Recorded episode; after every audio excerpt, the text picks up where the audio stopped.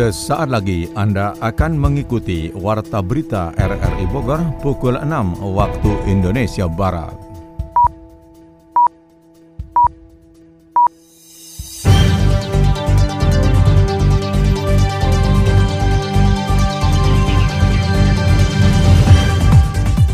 Selamat pagi. Saudara, kita kembali bersua lewat Warta Berita Senin 5 Maret 2023. Warta berita akhir pekan kami isi dengan rangkuman berita sepekan. Siaran ini juga dapat Anda dengarkan lewat audio streaming RRI Playgo dan dapat Anda dengarkan kembali lewat podcast kami di Spotify, Anchor, Podtail, dan Google Podcast. Bersama saya Mukhlis Abdillah, inilah rangkuman berita sepekan selengkapnya. Saudara, rangkuman berita sepekan kita awali dari Muara Sari Bogor Selatan di mana curah hujan yang tinggi mengakibatkan sebuah jembatan di wilayah tersebut ambruk. Adi Fajar menurunkan laporannya.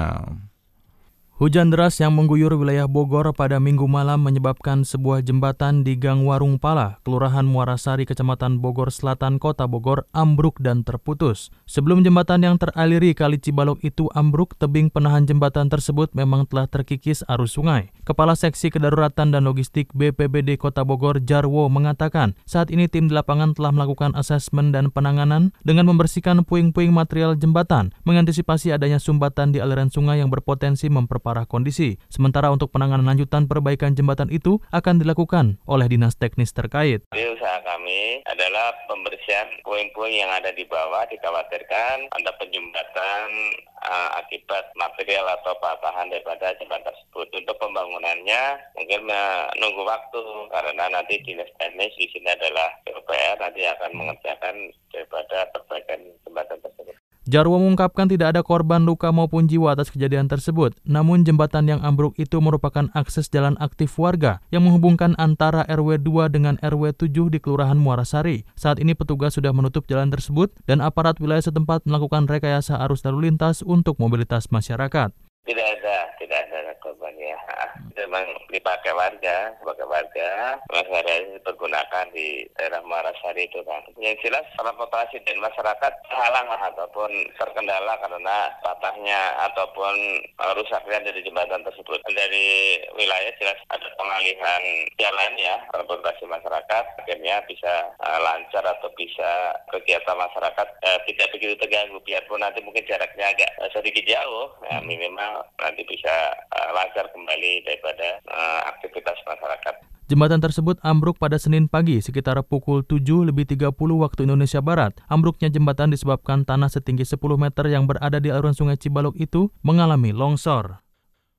Hujan deras dalam sepanjang hari dalam pekan ini mengakibatkan longsor di Bukit Kampung Nyalindung, Desa Gunung Gelis, Kecamatan Sukaraja, Kabupaten Bogor, seperti dilaporkan Yofri Haryadi. Hujan deras yang terjadi sepanjang hari kemarin juga mengakibatkan longsor di Bukit Kampung Nyalindung, Desa Gunung Gelis, Kecamatan Sukaraja, Kabupaten Bogor. Para pengguna jalan melalui akses alternatif menuju puncak Bogor di kawasan itu pun kerap dikejutkan dengan reruntuhan batuan dan kerikil dari atas Bukit Nyalindung. Bahkan di beberapa titik juga terjadi longsor yang menutup sebagian jalan hingga warga sekitar menyingkirkan sebagian material longsoran dari badan jalan agar dapat dilewati. Salah seorang warga, Robert, mengatakan mengatakan pihaknya sudah menghubungi pihak PUPR Kabupaten Bogor untuk penanganan berikutnya. Namun belum ada instruksi dari Muspika setempat untuk melakukan penutupan sebagai antisipasi terjadinya longsor. Iya betul, longsor Pak. Dari atas, dari tengah orang tuh tadi pagi. Ini juga warga nih sedang bersihin karena memang belum ada yang bersihin untuk bisa lewat. Biasanya kendaraan, motor, mobil gitu makanya kita bersihin dulu sementara sebelum petugas datang tertutup soalnya gede juga kan longsorannya Masyarakat pengguna jalur alternatif menuju ke kawasan wisata Puncak Bogor dari arah Sentul dan Sukaraja harus berhati-hati melewati kawasan bukit sepanjang 600 meter. Selain licin karena lumpur yang tergenang air, reruntuhan batu dan kerikil harus diwaspadai, terutama bagi pengguna kendaraan roda 2. Sementara itu sepasang suami istri tewas terseret arus sungai Ciesek. Yofri Haryadi kembali melaporkan. Pasangan suami istri Pasutri warga Kampung Cinangka, Desa Cipayung Girang, Kecamatan Megamendung, Kabupaten Bogor terbawa hanyut kali Ciesek pada Senin pagi kemarin. Mereka adalah Dedi Sumardi, 68 tahun, dan istrinya Aisyah, 53 tahun, yang ditemukan dalam keadaan tidak bernyawa di bawah jepitan batu. Kepala Desa Cipayung Girang, Sri Budi Sayekti mengungkapkan, dari informasi yang didapat, pasangan suami istri tersebut tinggal di bantaran kali Ciesek yang bermuara ke Ciliwung. Awalnya pada pagi hari, sang istri Aisyah berada di bagian bagian belakang rumah yang menghadap kali Ciesek dan membersihkan sekitar bangunan rumahnya. Tidak lama berselang Aisyah hilang, diduga terpleset hingga terbawa arus dan sempat berteriak minta tolong. Tak lama kemudian sang suami datang berupaya menyelamatkannya dengan berenang ke tengah sungai. Diduga terpleset di rumahnya, pinggir kali. Rumahnya kan memang pinggir kali. Kegiatan sehari-hari mereka oh, bersih -bersih. ke sungai ya bersih-bersih karena mungkin cuaca apa hujan terpleset jatuh. Si suami juga ke bawah arus karena mau nolong istrinya. Nggak ada yang Nggak selamat, selamat dua-duanya. Iya. Pertama istrinya dulu, itu kurang lebih jarak dari tempat rumahnya itu sekitar 500. Nah terus uh, sesuai keterangan dari warga karena dia itu ke bawahnya berdua, akhirnya si suami juga ditemukannya nggak jauh dari tempat rumahnya 200 meter. Keduanya tidak dapat menyelamatkan dan diselamatkan. Tim pencari dari Satdamkar Jawi, BPBD, dan Rescue Siaga Desa setempat melakukan pencarian hingga ke muara Kali Ciesek di Kali Ciliwung. Keduanya ditemukan dengan jarak yang tidak terlalu jauh dari tempat dilaporkan hilang sekitar 500 meter dari kejadian. Kapolsek Megamendung Kompol Edi Santosa menambahkan jarak keduanya saat ditemukan sekitar 200 meter. Tim pencarian menggunakan perahu karet menghadapi derasnya aliran sungai Ciesek yang sedang meluap saat itu korban ini sekitar jam 8 menuju ke sungai gitu. Kemudian diduga terpleset kemudian suaminya mendengar berusaha untuk menolong. Malah terbawa arus juga. Ditemukan istrinya yang terbawa arus pertama ditemukan dalam keadaan meninggal dunia. Dan suaminya ini kita cari ternyata masih di atas sekitar 200 meter dari TKP jadi dua-duanya kami temukan dalam keadaan meninggal dunia. Nah saat ini sudah di rumah sakit di bantaran sungai Ciesek yang ujung-ujungnya nanti ke Ciliwung juga ya. Kejadian itu pun menjadi atensi bagi warga yang tinggal di sepanjang bantaran sungai untuk waspada dan siaga terjadinya bencana akibat luapan kali. Kedua jenazah yang ditemukan dilarikan ke RSUD Ciawi dan dimakamkan segera di tempat pemakaman keluarga di Cipayung, Megamendung, Bogor. Disduk Capil Kota Bogor membuka nomor resmi layanan konsultasi khusus bagi warga yang berdomisili di Kota Bogor. Catatan selengkapnya disampaikan Sony Agung Saputra. Disduk Capil Kota Bogor membuka nomor resmi layanan konsultasi terkait administrasi kependudukan dan catatan sipil khusus bagi warga masyarakat yang berdomisili di Kota Bogor. Masyarakat dapat mengirimkan pesan singkat melalui layanan konsultasi tersebut di nomor 012903271 dan 0821903271. Kepala Dinas Kependudukan dan Catatan Sipil Kota Bogor Ganjar Gunawan menjelaskan layanan konsultasi tersebut dinamakan Sampurasun di Dukcapil merupakan akronim santun menjawab persoalan untuk segerakan urusan Dukcapil berupa layanan chat via WhatsApp. Melalui layanan tersebut masyarakat mendapatkan pelayanan konsultasi masalah kedudukan dan catatan sipil. Sampurasun Dukcapil ini adalah sebuah platform layanan konsultasi ya berbasis WhatsApp yang Tujuannya adalah untuk memberikan informasi, memberikan penjelasan, memberikan keterangan apa pun ya yang menyangkut tentunya informasi-informasi di bidang pelayanan administrasi kependudukan dan catatan sipil di Kota Bogor. Dan ini untuk mempermudah masyarakat misalnya yang masih bingung ya bagaimana syaratnya, bagaimana prosesnya, harus ke mana, harus bertanya ke siapa, begitu kan. Dengan layanan tersebut kiranya bisa membantu warga masyarakat Kota Bogor yang masih butuh informasi dan penjelasan apa pun terkait kepengurusan administrasi kependudukan dan catatan sipil karena mudah diakses untuk pelayanan menyeluruh. Memang sudah ada pojok aduan di kantor dinas Dukcapil ya. Kemudian juga ada platform medsos dengan Instagram di Dukcapil. Itu saja saya kira nggak cukup karena tentunya kan masyarakat Kota Bogor tidak semuanya juga buka-buka medsos gitu kan, punya Instagram ya. Sehingga ini untuk memberikan ruang yang lebih luas lagi masyarakat bisa berkomunikasi dan bertanya. Layanan Sampurasun Dukcapil itu dapat diakses masyarakat yang berdomisili di Kota Bogor pada hari kerja Senin hingga Jumat mulai pukul 8 hingga 15 waktu Indonesia bagian Barat. Setelah penantian selama 34 tahun, Kota Bogor akhirnya kembali meraih penghargaan Adipura. Sebagai bentuk apresiasi, pemerintah Kota Bogor pun mengarak piala Adipura tersebut di sejumlah ruas jalan utama. Selengkapnya kita ikuti laporan Sony Agung Saputra. Menunggu selama 28 tahun. Hari ini 28 Februari 2023 yang. Piala Adipura sebuah penghargaan tertinggi di bidang lingkungan hidup, kebersihan dan pengelolaan sampah berhasil diraih kembali pemerintah Kota Bogor di ajang penghargaan Anugerah Adipura 2022 Kementerian Lingkungan Hidup dan Kehutanan KLHK. Piala Adipura diserahkan Menteri LHK Siti Nurbaya secara langsung kepada Wali Kota Bogor Bima Arya di Auditorium Dr. Sujarwo Gedung Manggala Wana Bakti, Jalan Gatot Subroto, Jakarta Pusat, Selasa kemarin.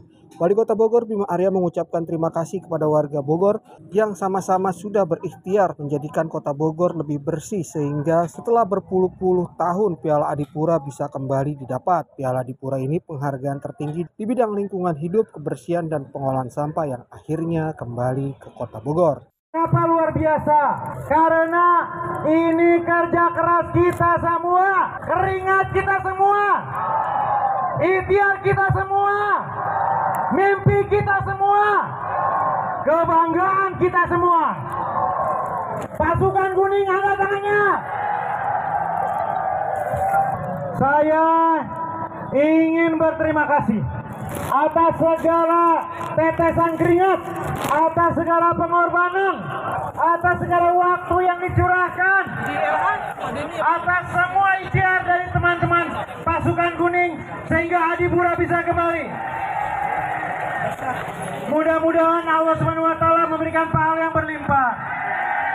Mudah-mudahan teman semua diberikan kesehatan, Sementara itu, Kepala Dinas Lingkungan Hidup Denny Wismanto menjelaskan upaya kerja keras dari semua elemen harus berkelanjutan, sehingga capaian Piala Adipura ini adalah bukanlah sesaat. Ke depan tantangan untuk bisa mempertahankan sangatlah besar, sehingga pihaknya bersama berbagai elemen muspida dan komunitas pencinta lingkungan siap bahu-membahu untuk bisa mempertahankan Piala Adipura agar tetap berada di Kota Bogor. Harus terus bisa menjaga kebersihan lingkungan dan tentunya ini nggak bisa sendiri. Ini harus butuh uh, kolaborasi dan partisipasi seluruh masyarakat Bogor.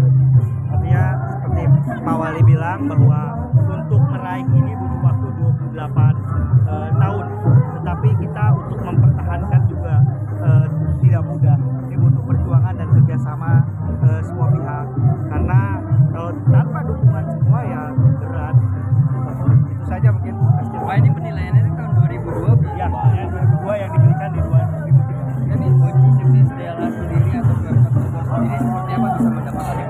Adipura? Ya sebetulnya ini adalah kolaborasi semua pihak.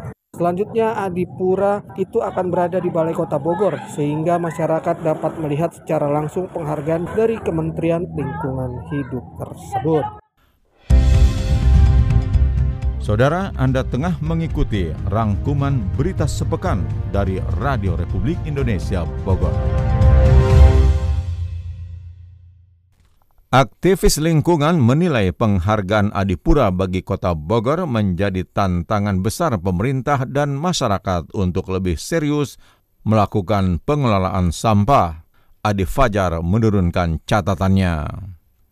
Raihan penghargaan Adipura bagi Kota Bogor menjadi suatu babak baru bagi upaya pelestarian lingkungan di Kota Hujan. Aktivis lingkungan komunitas peduli Ciliwung Suparno Jumar menyebut bahwa raihan penghargaan tertinggi di bidang lingkungan hidup itu menjadi tantangan besar bagi Kota Bogor, khususnya dalam pengelolaan sampah yang bisa mendorong perbaikan ekosistem lingkungan hidup. Ia menilai hal tersebut menjadi penting karena persoalan sampah terus menjadi momok bagi keberlangsungan hidup manusia untuk menciptakan peningkatan kualitas kesehatan masyarakat. Dengan diraihnya Adipura di Kota Bogor ini menjadi tantangan bagi pemerintah dan warga Kota Bogor bagaimana agar Adipura ini menjadi tonggak sejarah bagi pengelolaan lingkungan termasuk juga pengelolaan sampah. Karena ini yang menjadi sangat fundamental bagi kita semua bagaimana pengelolaan sampah itu uh, dapat dilakukan uh, dari setiap sampah itu berasal. Ini tantangan terberatnya. Penghargaan Adipura selayaknya tidak hanya dijadikan seremoni belaka, namun harus bisa diimplementasikan untuk merubah perilaku masyarakat dengan dukungan infrastruktur yang dibuat oleh pemerintah. Aspek pengelolaan sampah harus dibarengi dengan penyediaan atau disiapkannya infrastruktur secara memadai. Artinya secara kultur masyarakatnya diubah, secara infrastruktur juga disiapkan. Setelah vakum selama 28 tahun, Kota Bogor akhirnya meraih kembali penghargaan Adipura di tahun 2023. Dari Kementerian Lingkungan Hidup dan Kehutanan, Adipura merupakan penghargaan tertinggi dalam bidang lingkungan hidup, kebersihan, dan pengelolaan sampah. Penutupan akses utama Bogor Sukabumi, tepatnya di jembatan Cikretek Jalan Raya Bogor Sukabumi akibat longsor, dikeluhkan sopir angkutan umum dan penumpang. Catatan selengkapnya disampaikan Yofri Haryadi.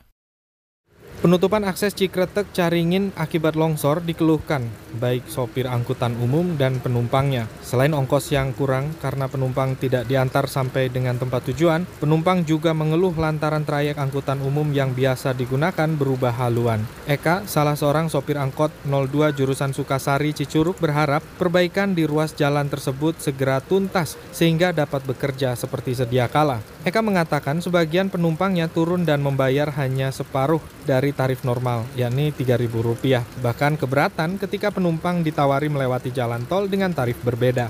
Sebelasan lah, itu longsor pak. Dari Cicurug sampai Cikretek. Ada ini? yang ada yang lewat tol, ada. Ini di Sukasari, Sukasari Cicurug. Paksa sampai sini. Penumpang ya jalan. Ada yang maksain lewat tol tapi ongkosnya naik. Lagi narik ini mana sewanya susah. Kasihan juga sewa kan ongkosnya naik kalau lewat tol. Harapannya cepet-cepet diselesaikan aja. Tarif tol Ciawi Cigombong untuk kendaraan golongan 1 di tarif Rp14.000 dan golongan 5 Rp28.000. Ternyata dirasa memberatkan khususnya bagi sopir angkutan antar kota dan provinsi, salah satunya minibus dengan trayek Bogor Pelabuhan Ratu Sukabumi. Beberapa pengguna angkutan umum juga lebih memilih berjalan kaki melewati jembatan Cikretek mencapai tempat tujuannya dan melanjutkan perjalanan dengan angkutan umum lainnya seperti ojek di seberang jembatan yang amblas itu. Dari Pasar Ciawi mau ke Bojongkoneng arah pulang. Daerah Ciherang cari biasa naik angkot. Terus? Jadinya gini harus jalan sebentar terus double. Dari arah Ciawi hanya capai Racamaya aja. Karena jalannya sudah rusak. Iya ada ada longsor. Jalan aja Pejalan kaki masih dimungkinkan untuk melintas di sela sempit bahu jalan di luar garis pembatas milik PUPR. Upaya rekayasa lalu lintas disampaikan berulang kali oleh jajaran Satlantas Polres Bogor. Ibtu Ade Kamsa, Kanit Keamanan dan Keselamatan Satlantas Polres Bogor mengatakan setelah jembatan Bailey dirakit dan dipasang, akses dapat dilintasi oleh kendaraan ringan. Untuk menghimbau kepada pengguna jalan khususnya untuk kendaraan besar yang akan melintas ke jalur uh, Sukabumi dialihkan ke tol Bocimi nanti tembus ke Cikobong.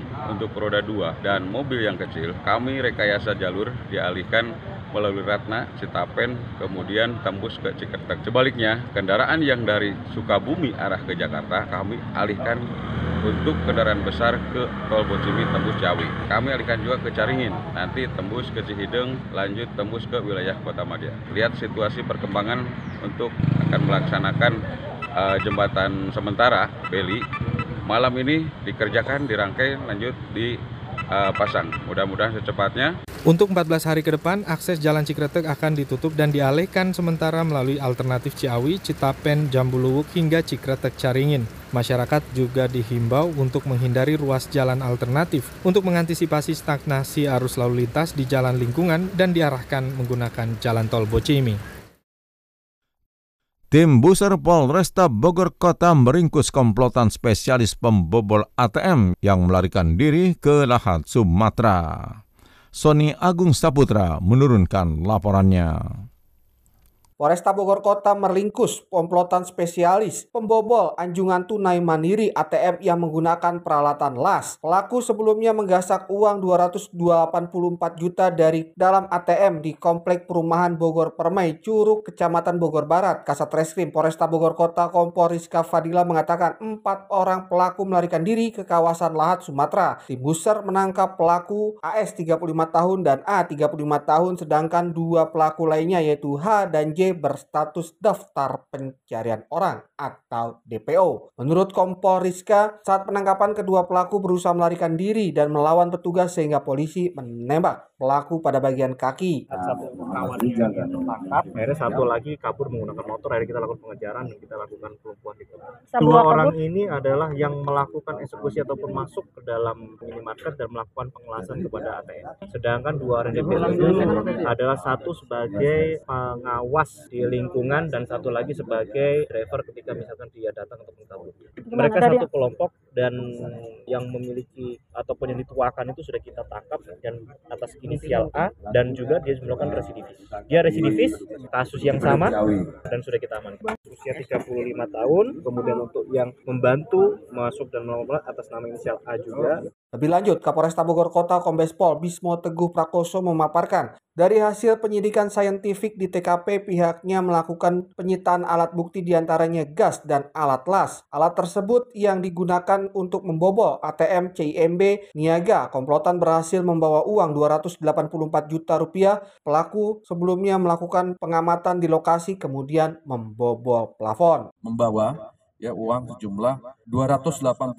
juta 450 ribu rupiah. Ternyata pelaku ini juga melakukan hal yang sama di wilayah Kabupaten Bogor ya, mencuri, merampok ya ATM BCA sejumlah 700 juta rupiah ya di Kabupaten Bogor. Ya. Dan ini kita ungkap pelakunya di Lahat, Sumatera Selatan. Ya. Ada juga keterlibatan pelaku dari Bogor, wilayah Bogor Kota juga. Ya. Nah, ini ada empat pelaku, ya. kita tangkap dua pelaku yang dua DPO ya nanti kita lakukan uh, pengembangan dan kita jerat pelaku ya, pasal 363 KUHP ya dengan ancaman hukuman 9 tahun penjara. Kedua pelaku dikenakan pasal pencurian dengan pemberatan atau curat sebagaimana diatur dalam pasal 363 ayat 3 dan ayat 4 dan ayat 5 Kitab Undang-Undang Hukum Pidana KUHP dengan ancaman hukuman paling lama 9 tahun penjara.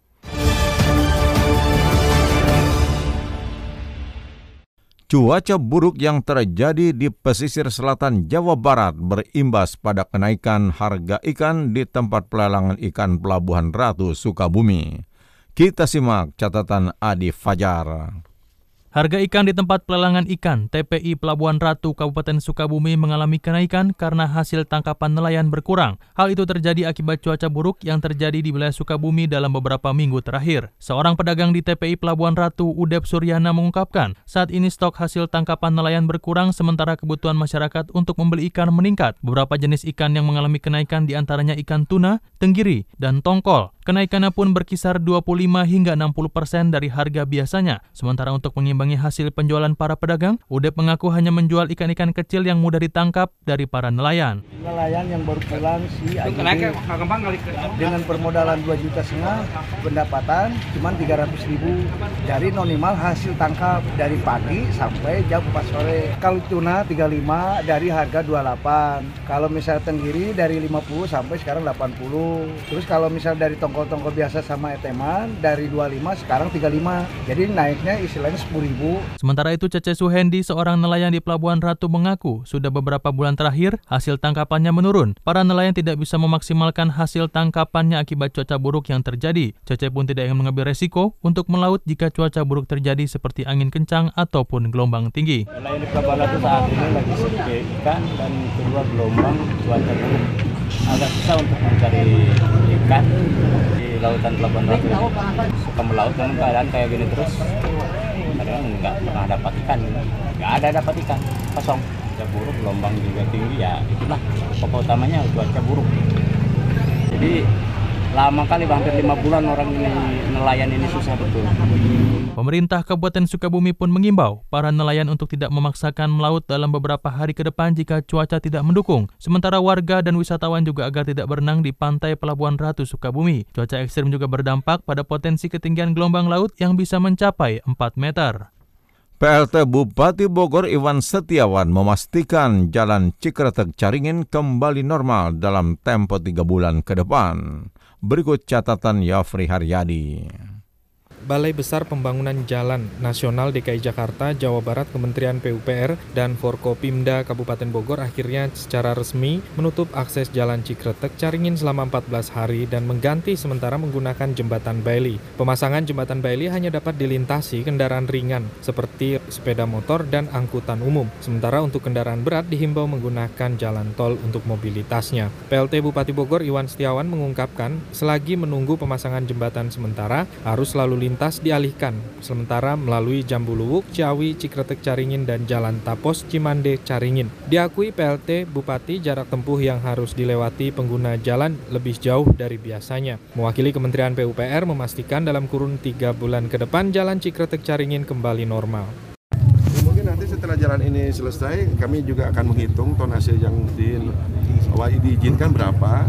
Itu nanti akan kayak parung panjang lah kita bikin perbum ya. Kalau jembatan juga ada aturannya. Sedangkan memang di sini jalur uh, tonase tinggi ya. Kami sudah disiapkan sebetulnya kan jalan tol. Yeah. Walaupun ada keluhan dari para supir kemahalan. Yeah. Ya susah kalau memang harus dimurahkan kan aturannya bukan kami, tapi minimal supir truk itu atau yang buat motor itu bisa juga mensosialisasikan kepada pemilik demi kelancaran usaha ya mengikuti aturan lah. Tol itu kan jalur yang memang sudah diatur oleh pusat ya, tidak bisa kami memberikan toleransi ada penurunan harga buat warga Bogor nggak mungkin.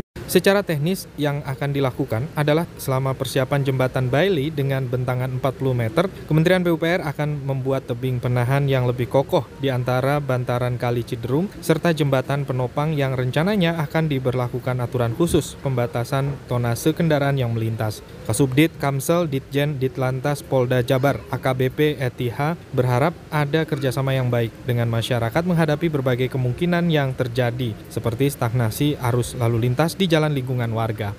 Bahkan kita akan duduk bareng bersama dengan uh, tokoh masyarakat, tokoh pemuda, kemudian juga instansi terkait bagaimana semua bisa berjalan dengan tertib yang dikatakan Pak Oga ada tapi hadir memberikan dampak positif gitu iya kan mereka hadir mereka bisa bekerja sama dengan kita tidak menimbulkan sesuatu yang mungkin tadi ada hmm. komplain dari para pengguna jalan ini kita harus duduk bareng dan masing-masing kelompok masing-masing individu memerlukan uh, kesadaran tinggi ya, ya. seperti itu. Siap. Mohon maaf kalau misalnya jembatan berinya itu bisa di bisa dilalui oleh motor atau mobil. Kalau Selama pengalihan arus lalu lintas, Satlantas akan disiagakan untuk mengatur jalan alternatif yang akan dilintasi termasuk menghadapi masa kritis pada saat padatnya arus wisata, arus mudik dan balik lebaran 2023 nanti. Menjamurnya paugah di sepanjang jalan alternatif itu pun diharapkan memberi solusi bagi lingkungan dan pengguna jalan. Turap penahan tebingan senilai 490 juta di Kampung Loji, Desa Cilengsi, Kecamatan Ciawi, Kabupaten Bogor, longsor. Yofri Haryadi kembali menurunkan catatannya. Turap penaham tebingan di Kampung Loji, Desa Cilengsi, Kecamatan Ciawi, Kabupaten Bogor longsor. Tidak ada korban jiwa maupun luka akibat kejadian tersebut, namun yang disayangkan proyek senilai 490 juta yang didanai program 1 miliar satu desa yang baru selesai akhir Februari lalu itu tidak termanfaatkan. Tim pelaksana kerja proyek turap penahan tebingan di Kampung Loji Desa Cilengsi Entis mengatakan turap longsor terjadi pada pagi dini hari dan baru dilaporkan siang ini oleh warga. Ada dua titik pekerjaan berupa turap penahan tebingan dengan anggaran yang sama di Desa Cilengsi, Kecamatan Ciawi. Proyek dikerjakan secara swadaya dan diduga ada kesalahan konstruksi. Kalau logisnya kan hujan itu seharian tuh sampai malam, sekitar jam 1 jam 2 malam kejadiannya. Di angka 25 dari total 50 meter pekerjaan. Siang malam dua titik Pak ya. Ada titik yang satu titik yang beda RT, beda RW, yang satu lagi yang satu titik di RW 3, satu titik di RW 2. Itu masing-masing anggarannya di angka 495 jutaan lah itu titiknya. Entis mengungkapkan hujan deras menjadi penyebab ambrolnya turap penahan tebingan dengan luas hamparan sekitar 25 meter persegi dengan taksiran kerugian sekitar 270 juta rupiah. Selain jebolnya turap, sebuah MCK umum warga ikut tertimbun longsoran turap yang berada di bawahnya. Sekarang lagi nunggu gambar dari pihak tenaga ahli karena beliau ngasih gambarnya. Kalau untuk konstruksinya gitu. Kalau udah ada gambar baru kita berani. Karena kalau belum ada gambar kan takut menyalahi aturan lagi gitu. Untuk sekarang kita lagi evakuasi atau merapihkan tempat yang tertimbun itu. Karena kan ada MCK yang kena imbasnya ya yang di bawah. Kita bereskan dulu urusan dengan warga karena kan itu ada milik warga juga. Kejadian itu pun sudah mendapat tinjauan dari tenaga ahli pendamping desa, kementerian, serta Dinas PUPR Kabupaten Bogor. Namun belum dapat dipastikan sumber anggaran untuk perbaikan kembali turap penahan tebingan di wilayah tersebut.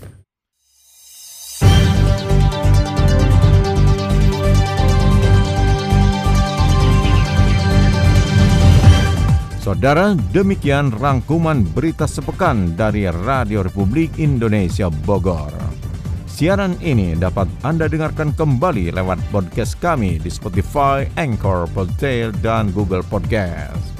Saya Muhlis Abdillah merangkap Des Editor bersama penata teknik Mahdinur mengucapkan terima kasih atas kebersamaan Anda. Selamat pagi dan selamat berakhir pekan.